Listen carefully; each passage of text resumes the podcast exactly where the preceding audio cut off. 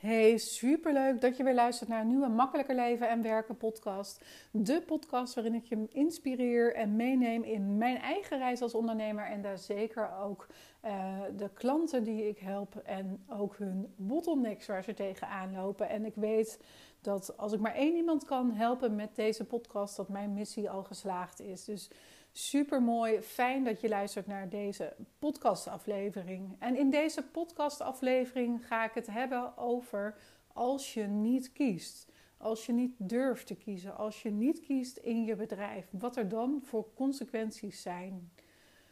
Afgelopen maandag had ik uh, de Business Boost Club. Dat is een clubje met één op één klanten die ik uh, help en daar uh, waren een paar afzeggingen vanwege zieken. En eentje ging wat eerder weg. Dus uiteindelijk bleef ik over met, um, met twee van mijn klanten. En die hadden eigenlijk alle twee een verschillend probleem. En de oplossing was hetzelfde. En die deel ik graag met jou in deze podcast. En ik geef je even een korte inleiding over wat uh, het probleem voor beide ondernemers was. De ene had een probleem uh, voelde het probleem van hé, hey, ik weet niet wat ik in mijn weggever moet stoppen, in de gratis weggever. Daar had ik al een paar keer met haar over gehad. Ze had mij ook een weggever toegestuurd, dus speciaal gemaakt voor mij. Wat ik zei, nou dat is ontzettend interessant en heel erg veel ook. Uh, ik kan het aan, ik, ik weet wat ze doet, dus ik, voor mij was het niet confronterend.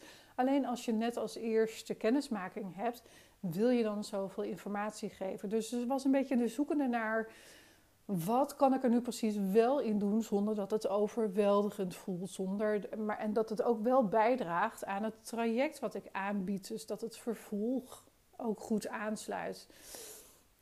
Nou, dat was voor de ene ondernemer. En de andere ondernemer die zei: Ik ben eigenlijk een beetje zoekende naar. Ehm, wanneer ik kies voor de doelgroep, wat ik eigenlijk nog uit moet zoeken. En toen ik daarop door ging vragen, toen zei ze: Ja, maar het is nog niet concreet. Het is nog niet concreet um, hoe mijn ideale klant eruit ziet. Ik heb het nog niet concreet. En toen ik vroeg, ja, maar wanneer heb je het wel concreet?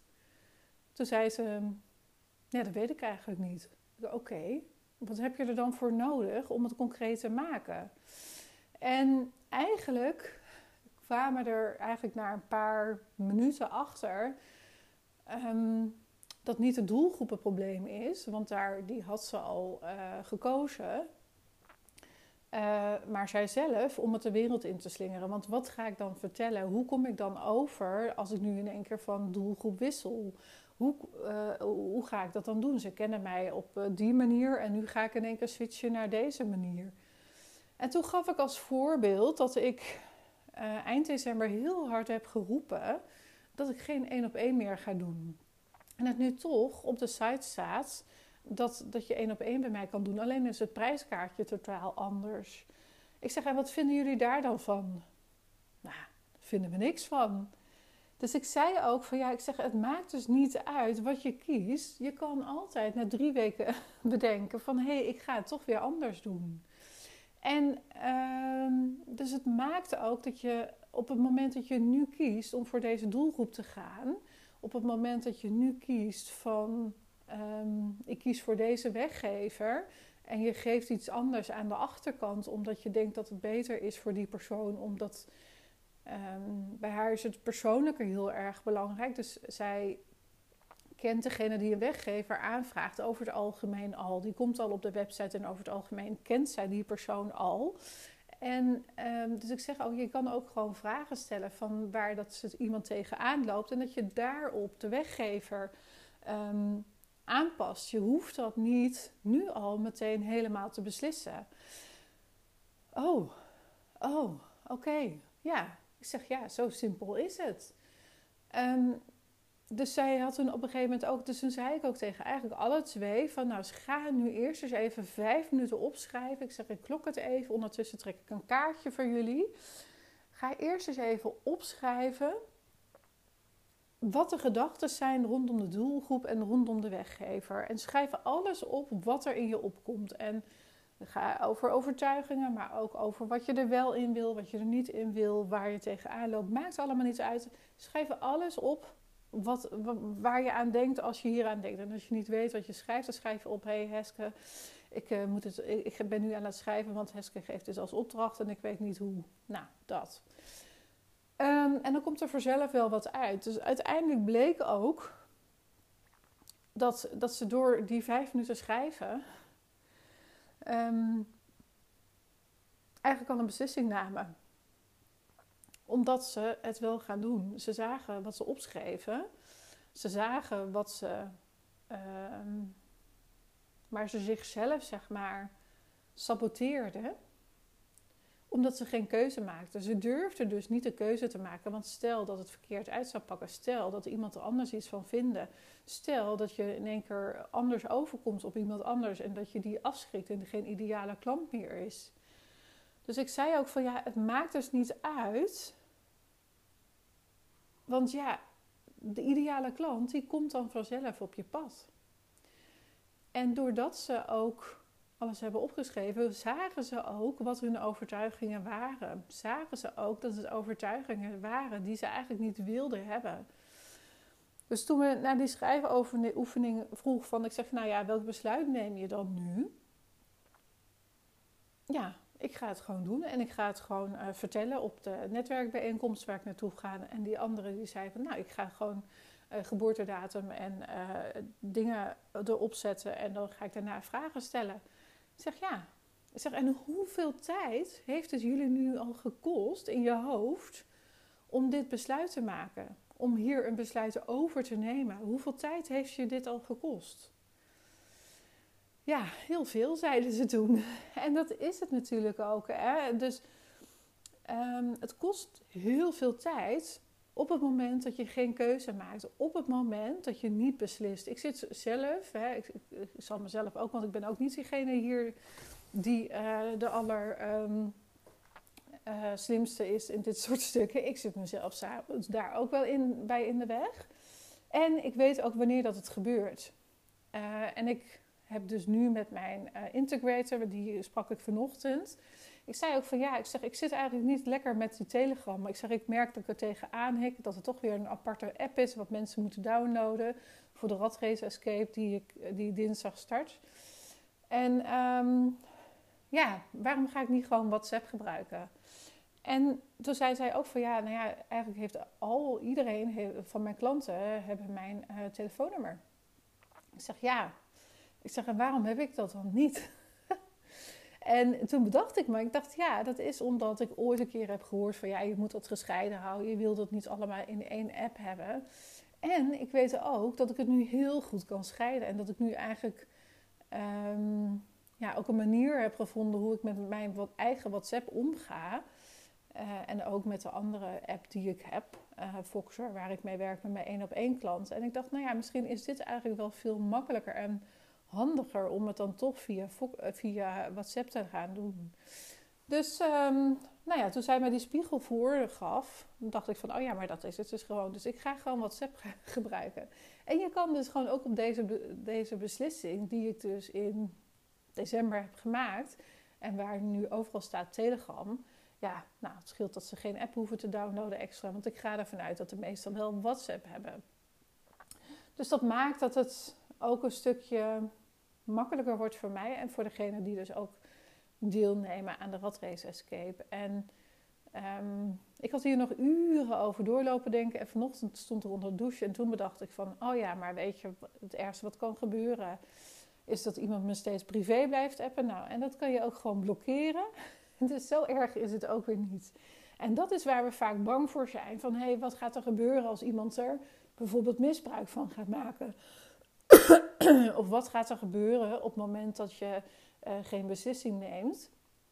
Dan kost het je heel veel tijd, maar hoeveel tijd zou het je opleveren als je wel een beslissing neemt? Als je wel nou dat besluit neemt? En die twee uh, klanten van mij, die waren hartstikke tevreden en blij. En die gingen vol enthousiasme, zeg maar, uh, de call uit. En ik had net nog even contact met een van de twee. Ja, die zei, nou, het voelt helemaal goed. En dat gewoon omdat ze een beslissing heeft genomen. En, en dat het dan over twee maanden misschien weer anders eruit ziet, is ook oké. En dat is, um, dat is echt een les die je elke keer weer mag ervaren, die je elke keer weer mag ontdekken van hé, hey, maar hoe komt het nou dat ik nu geen besluit neem? Hoe komt het nu dat ik geen. Uh, um, hoe komt het dat ik niet durf te kiezen? En je hoeft dat niet helemaal te analyseren, want soms is het ook gewoon zoals het is.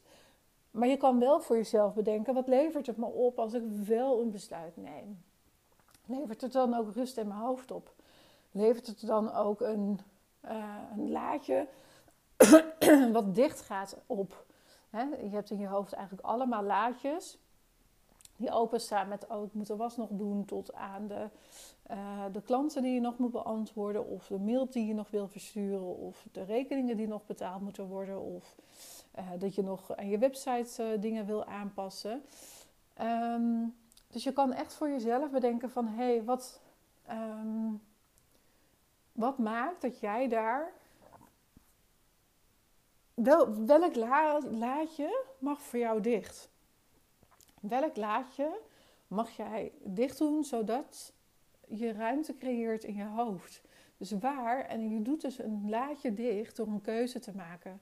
Een keuze te maken om te gaan staan voor wat jij echt denkt en voor wat jij echt wil. Zonder dat je uh, het doet omdat iemand anders denkt dat het voor jou op dat de juiste manier is. En dat is echt waarin dat we ook met de Ratrace Escape aan de slag gaan van welk laadje mag er dicht? Waar zit een ruis op de lijn? Waar laat je je afleiden en ben je niet meer jij, ben je meer iemand anders, waardoor dat je uh, maar doet omdat andere mensen denken dat dat het juiste is voor jou. En ik hou daar niet van. Ik hou er echt niet van dat je dingen doet omdat, je, omdat het zo hoort. En tuurlijk zijn er marketingregels waar je aan mag houden moet houden. En er zijn duizenden marketingregels. En er zijn er altijd een aantal die je zeg maar wel voor je werken. Alleen jij mag gaan ontdekken welke voor jou werken. Wil jij kopen, verkopen vanuit verbinding, vanuit persoonlijk contact? Of wil jij juist zeg maar er lekker doorpushen, uh, zoals andere uh, salesmensen zeg maar dat verkopen aan iemand anders. Dus kijk ook vooral wat is jouw manier. En dat is ja, dat vind ik echt zo belangrijk. En daar gaan we ook mee aan de slag tijdens de Ratrace Escape. Um, ik rond hem af, een korte podcast dit keer. Mijn oortjes valt spontaan uit mijn oor. Maar um, ja, dus kijk waar dat je een keuze kan maken. Kijk waar dat je een besluit kan nemen, zodat je uh, een laadje dicht doet. Een laadje wat open staat in je hoofd. Wat eigenlijk al misschien zelfs al wel bijna dicht is, maar wat je eigenlijk nog even een flinke klap op mag geven. Oké, ik wens je voor nu een hele fijne dag. Nou, schrijf trouwens, um, de Ratrace Escape staat in de, um, de link staat in de show notes, dus check daar zeker even. En daarnaast uh, kijk ook even naar je, uh, wat er nog meer staat, Instagram en de nieuwsbrief. Als je denkt van, nou, interessant deze podcast, ik wil eigenlijk wel meer van je zien en horen dan druk daar zeker op. Um, dankjewel voor het luisteren. Heb je een vraag, stuur hem naar heske.heskevenes.nl en ik wens je voor nu een hele fijne dag. Doeg!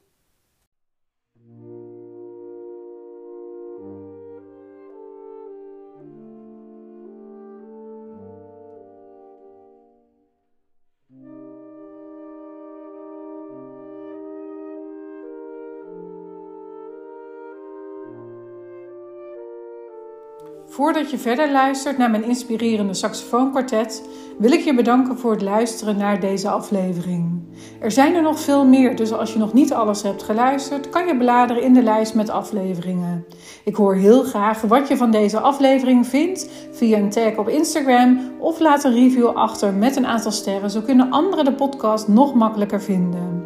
En neem nu even de tijd om verder rustig te luisteren naar mijn saxofoonkwartet en voel, luister en laat landen wat er nu is.